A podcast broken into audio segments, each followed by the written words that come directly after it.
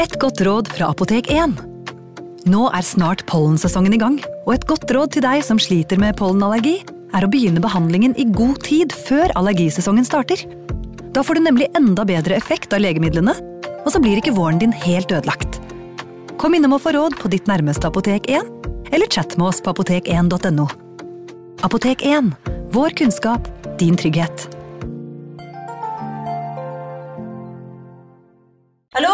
Jeg kommer fra Oslo politikammer. Ine Jansen er purk. Er du purk? The motherfucking bitch. Alt jeg vil, er å finne ut hva som skjedde med mannen min. Jon Carew. Er jeg sikta for noe? Iben Akeli. Det er du. Ole So, Lars Berrum og Big Daddy Karsten. Hvem sin side er du på, egentlig? Anette Hoff, Tone Danielsen, Kommer du fra Afrika? Jørnis Josef, Nesten. Kløfta. Trond Espen Seim, Det er synd å si det, men det var feil mann som døde. Purk. Premiere tirsdag på TV2 Play. Ungsamtalen fra DNB er økonomisk veiledning tilpasset deg som er ung. Bokk en ungsamtale på dnb.no. slash ung. Det er kjempebra hvis du skal inn på boligmarkedet, hvis det er drømmen din, liksom. Det er det du skulle sagt. Og så kunne du ropt litt mer, da, sånn som jeg gjorde. Bam! Advarsel. Denne podkasten inneholder skildringer av ekte drap og kriminalsaker som kan være støtende for enkelte. Det advares også mot sterke inntrykk i deler av episoden. Det er Valentine's Day 2013. Det er natt i Johannesburg, og Oscar Pistorius våkner i sengen sin. Ved siden av ham ligger kjæresten hans Riva Steenkamp. Det er bekmørkt i soverommet, men ettersom øynene hans gradvis begynner å venne seg til fraværet av lys, legger han merke til Rivas ben som stikker ut av dynen. Han stiger så ut av sengen for å lukke balkongdøren og gardinene. Fra baderommet hører han plutselig en lyd. Pistorius blir umiddelbart redd, overbevist om at det er en innbruddstyv i huset. Han ber Riva ringe politiet, men bestemmer seg selv for å handle før det er for sent. Til tross for at han er en topptrent idrettsutøver, føler han seg hjelpeløs dersom noen skulle bryte seg inn i hjemmet hans. Oscar Pistorius har nemlig et handikap som gjør han svært sårbar. Han har amputert begge bena nedenfor knærne. Dette gjør ham ikke totalt immobil, men ved et eventuelt angrep vil han lett kunne la seg overmanne. Frykten tar ham, og i mørket finner han frem en 9 mm pistol han har gjemt under sengen sin.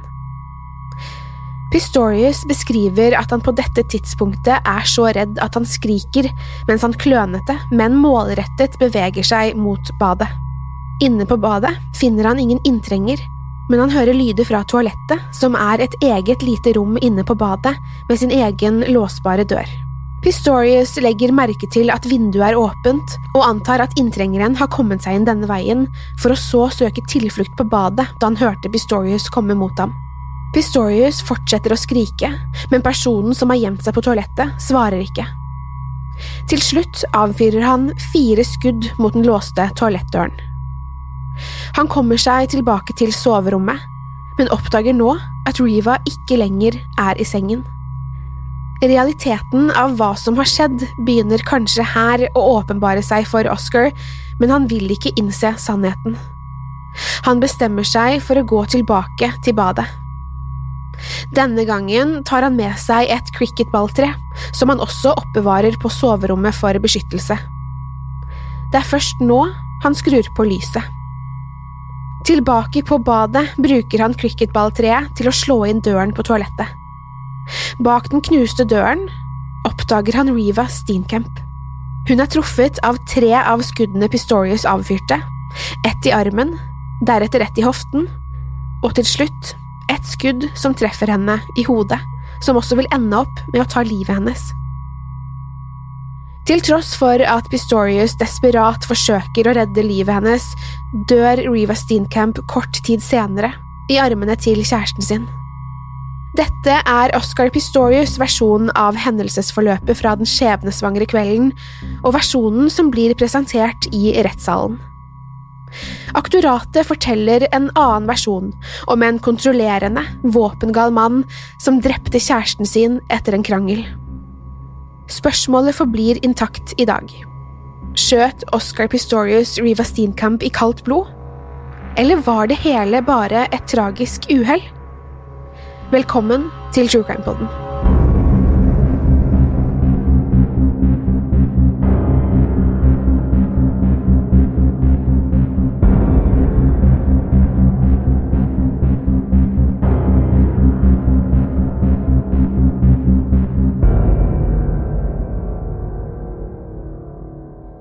Reva Steenkamp var mer enn bare et vakkert ansikt. Hun livnærte seg som modell, noe hun hadde gjort siden hun var 14 år, men hadde også utdanning innen juss og hadde som mål å være advokatfullmektig innen hun var 30. Tragisk nok levde ikke Reva lenge nok til å fullføre denne planen. Da Oscar Pistorius skyter og dreper Reva Steenkamp, har de bare vært sammen i knappe tre måneder. Oscar Pistorius var, før Rivas død, en verdensberømt idrettsutøver, kanskje bedre kjent under tilnavnet Blade Runner. Dette som følge av de karakteristiske knivbladlignende benprotesene han konkurrerte med. Pistorius amputerte nedre del av begge bena da han kun var elleve måneder, som en konsekvens av en medfødt misdannelse i bena. Likevel ville han som voksen bemerke seg som sprinter, først gjennom deltakelse i Paralympics, men senere også da han konkurrerte mot andre ikke-handikappede deltakere i de olympiske leker. Pistorius var et kjent ansikt i Johannesburg. Det var også en kjent sak at han var både svært velstående så vel som handikappet. Sett i lys av Johannesburgs høye kriminalitet gjorde dette Pistorius bekymret, og han så seg selv som et potensielt offer for innbrudd og angrep i hjemmet sitt. Han påstår selv å tidligere ha mottatt dødstrusler, noe som aldri blir bekreftet. Dette er allikevel noe han senere bruker som et argument for hans ekstreme reaksjon på det han fornemmer som et innbrudd. I rettssaken granskes Oscar og Rivas relasjon, og de forsøker å tegne et bilde av både forholdet deres og av Oscar Pistorius' karakter. Gjennom meldinger sendt via WhatsApp uttrykker Riva en bekymring for Pistorius' raseri og hvordan han plutselig kan klikke på henne. Disse meldingene tegner et bilde preget av destruktiv sjalusi og nedlatende kommentarer fra Pistorius. Dette til tross for at Riva tilsynelatende kun forsøkte å glede ham. Disse meldingene ble presentert for retten, og tegner unektelig et negativt bilde av Pistorius, som bryter med den offentlige personligheten han tidligere har vært kjent for. I en annen melding forteller Oscar Riva om hvordan en av hans venner tidligere tok støyten for han, da et ladd våpen ved et uhell ble avfyrt på et offentlig sted. Dette var symptomatisk for Pistorius tilsynelatende besettelse for våpen. Han beskriver at han oppbevarer en pistol under sengen som beskyttelse, men var også i besittelse av flere andre våpen og ulovlig ammunisjon. Rivas mor, June Steenkamp, hadde heller ikke bare positive inntrykk av Oscar Pistorius.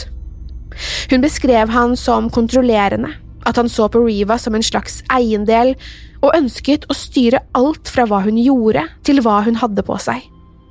Hun beskrev forholdet deres som turbulent og konfliktfylt allerede fra begynnelsen. En av Pistorius' ekskjærester, Samantha Taylor, forteller også om frykten hun følte for han. Hun beskrev hvordan hun ved en anledning følte seg tvunget til å gjemme en pistol fra en overstadig full Pistorius, redd for at han kunne bruke den mot henne. Antageligvis var dette samme pistol som til slutt tok livet av Riva Steenkamp, og Samantha uttrykte, med en viss sørgmodighet, og at hun følte at det like godt kunne vært henne som ble Pistorius sitt offer. Oppførselen hun beskriver fra Pistorius, er sjokkerende. Hun kjenner igjen beskrivelsene av Oscar Pistorius som sykelig sjalu, overbeskyttende og kontrollerende, men også temperamentsfull til et punkt der han mister styringen. Hans sjalusi kunne bli så overbærende at han til og med ville komme med trusler om vold og lemlesting mot menn han mistenkte å ha affærer med kjærestene sine.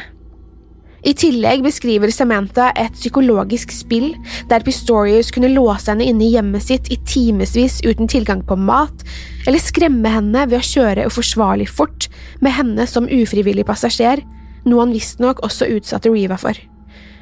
Til tross for dette er det mye som tyder på at Riva faktisk var dypt forelsket i Pistorius. En venninne av Riva uttalte at hun ville gifte seg med han dersom han spurte, og at han ifølge Riva behandlet henne som gull. I rettssalen leser han også et Valentine's Day-kort fra Riva, hvor hun uttrykker sin kjærlighet for ham.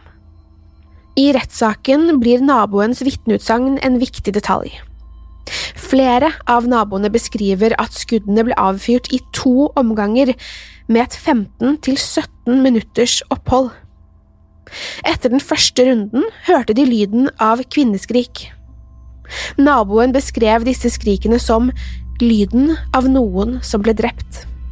Fryktelige skrik av dødsangst.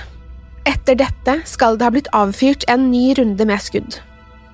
Dette skal ha vært imellom klokken to og tre på natten, og naboen beskriver i dette tidsrommet at det høres ut som to stemmer som kranglet høylytt med hverandre. Naboen forteller også å ha sett at lyset var på i leiligheten fra balkongen sin. Disse detaljene er i direkte konflikt med Pistorius' versjon av hendelsene. Han mente lyset var av i hele leiligheten, og han og Riva hadde lagt seg for å sove allerede i titiden den kvelden, og at de derfor ikke ville kranglet midt på natten. Det er allikevel her viktig å forstå at dette er et boligområde bestående av store villaer. Når man her snakker om naboer, er det snakk om en avstand på flere hundre meter mellom boligene. Observasjoner som blir gjort over denne avstanden, og beskrivelser av stemmer som krangler, vil derfor være vanskelig å godta som ufeilbare.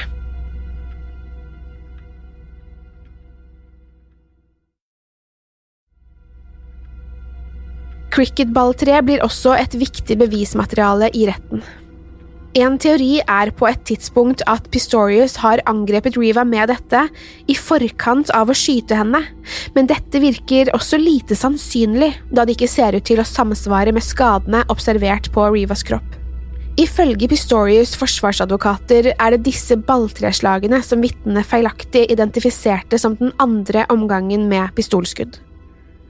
Å slå inn en tredør krever stor kraft, og Pistorius skal ha dundret løs på døren til han oppdaget Riva. Argumentet mot denne historien var at hyppigheten på smellene ifølge vitnene var for tette til å komme fra et balltre, og korresponderte heller med frekvensen fra pistolskudd. Med tanke på avstanden mellom husene er det her mindre sannsynlig at lyden av et balltre som slår mot en tredør, vil oppleves like kraftig, eller i det hele tatt la seg forveksle med lyden av en pistol som blir avfyrt. I retten ble det også presentert en teori fra Forsvaret om at skrikene, som naboene beskrev som kvinneskrik, i realiteten kom fra Pistorius selv. Forsvaret beskriver at Pistorius, i sin paniske tilstand, ga fra seg noen høyfrekvente skrik. Aktoratet sto på sin side bestemt på at disse skrikene måtte ha kommet fra Riva, og bruker denne detaljen til å presentere ideen om at Oscar og Riva skal ha kranglet i forkant av drapet. Dette vil i så fall slå sprekker i hele Pistorius sitt forsvar. Det er selvfølgelig ikke umulig å se for seg at Oscar, etter å ha oppdaget Riva, ville kommet med et følelsesladet utbrudd, men at han gjennom hele hendelsesforløpet skal ha gitt fra seg slike høyfrekvente skrik, fremstår i beste fall underlig. Et annet argument mot Pistorius skal ha vært at han angivelig skal ha fortalt en sikkerhetsvakt over telefonen at ingenting var galt, dette etter at naboene rapporterte at de hadde hørt de første skuddene ble avfyrt. I slike velstående områder i Sør-Afrika er det gjerne private sikkerhetsselskaper som blir kontaktet først ved eventuelle nødsituasjoner, da responstiden er betraktelig raskere enn hos politiet. Sikkerhetsvakten vitnet om at Pistorius hadde vært opprørt og grått på telefonen, og at han derfor bestemte seg for å oppsøke huset personlig. Da han ankom huset, ble han møtt av Pistorius, som bar Riva Steenkamps livløse kropp ned trappen.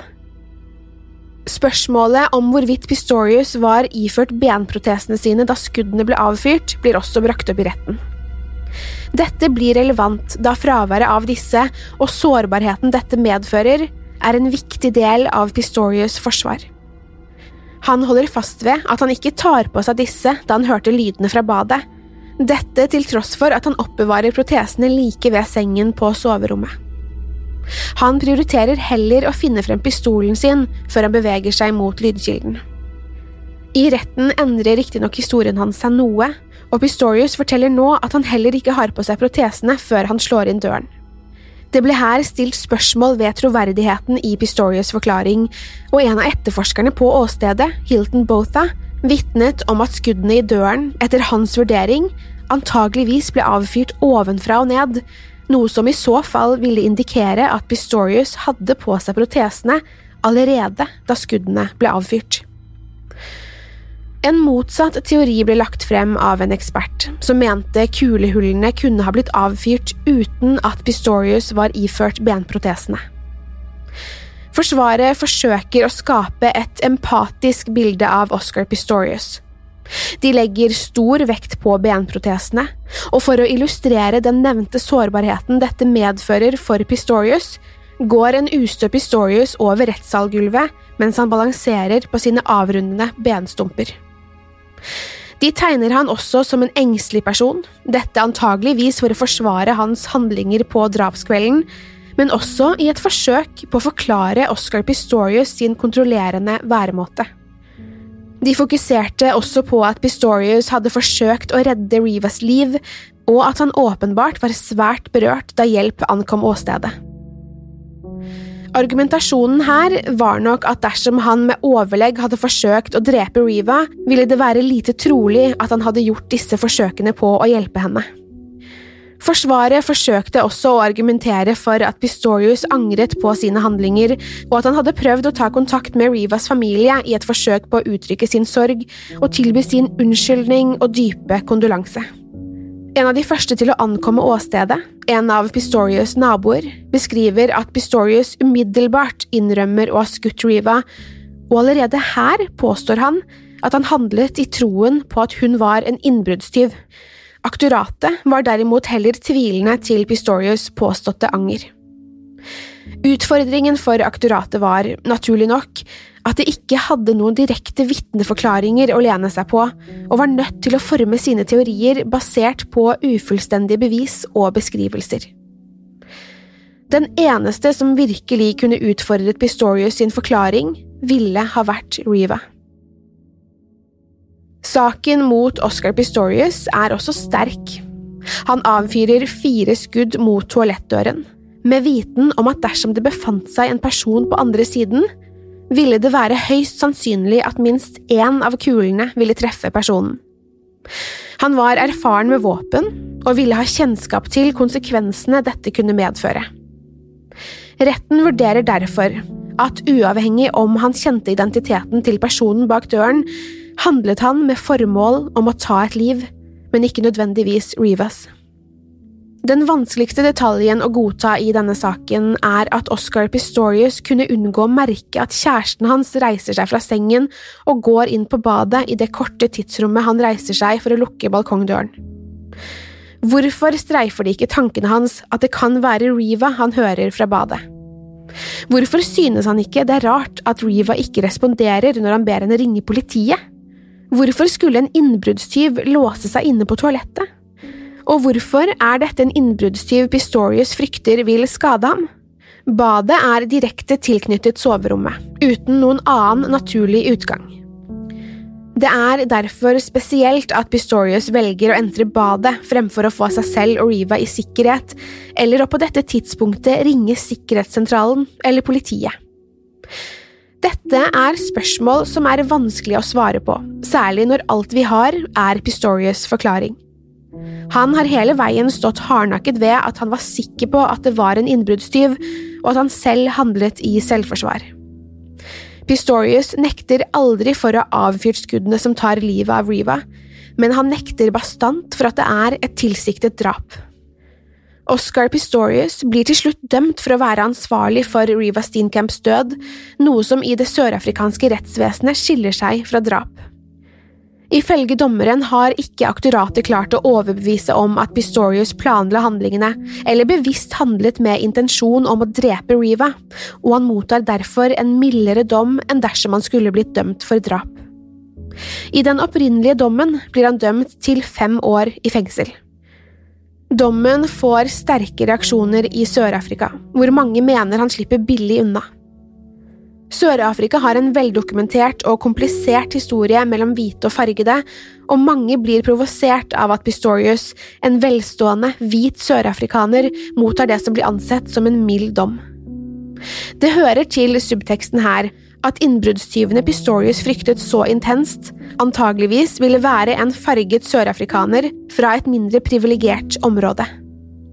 Faktum at Pistorius tilsynelatende ikke ser problemet med å rette et dødelig våpen mot denne innbruddstyven, gir dermed saken en ny rasekontekst og er med på å påvirke manges oppfatning av historien.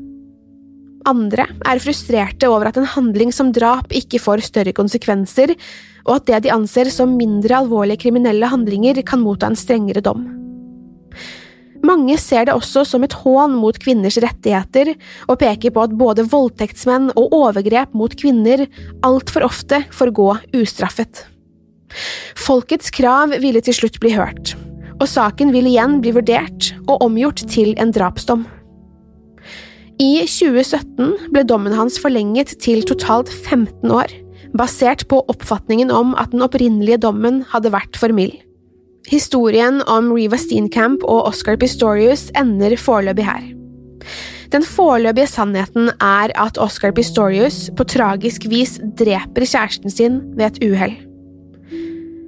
Det er mye i Pistorius' forklaring som er vanskelig å kjøpe, men bevisene mot ham er heller ikke nok til å definitivt kunne si at han mente å drepe henne. At Oscar var en dominerende kjæreste, som ofte gikk langt over grensen for hva som er akseptabelt i et forhold, er heller ikke i seg selv nok til å dømme han som morder. Til tross for at flere vitnebeskrivelser tegner han som en temperamentsfull og potensielt farlig person.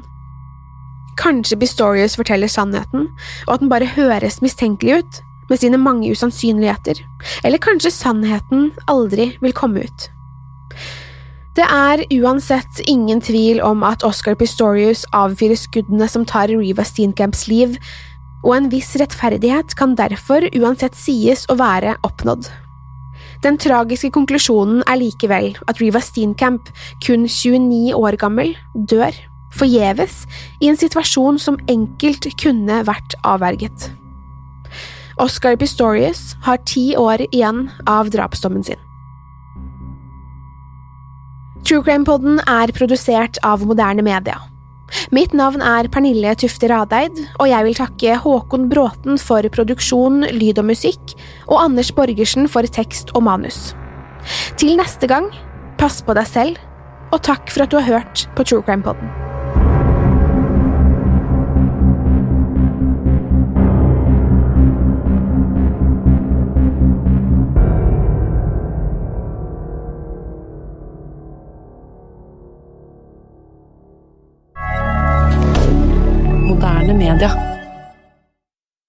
Har du et enkeltpersonforetak eller en liten bedrift? Da er du sikkert lei av å høre meg snakke om hvor enkelt det er med kvitteringer og bilag i fiken, så vi eh, gir oss her, vi.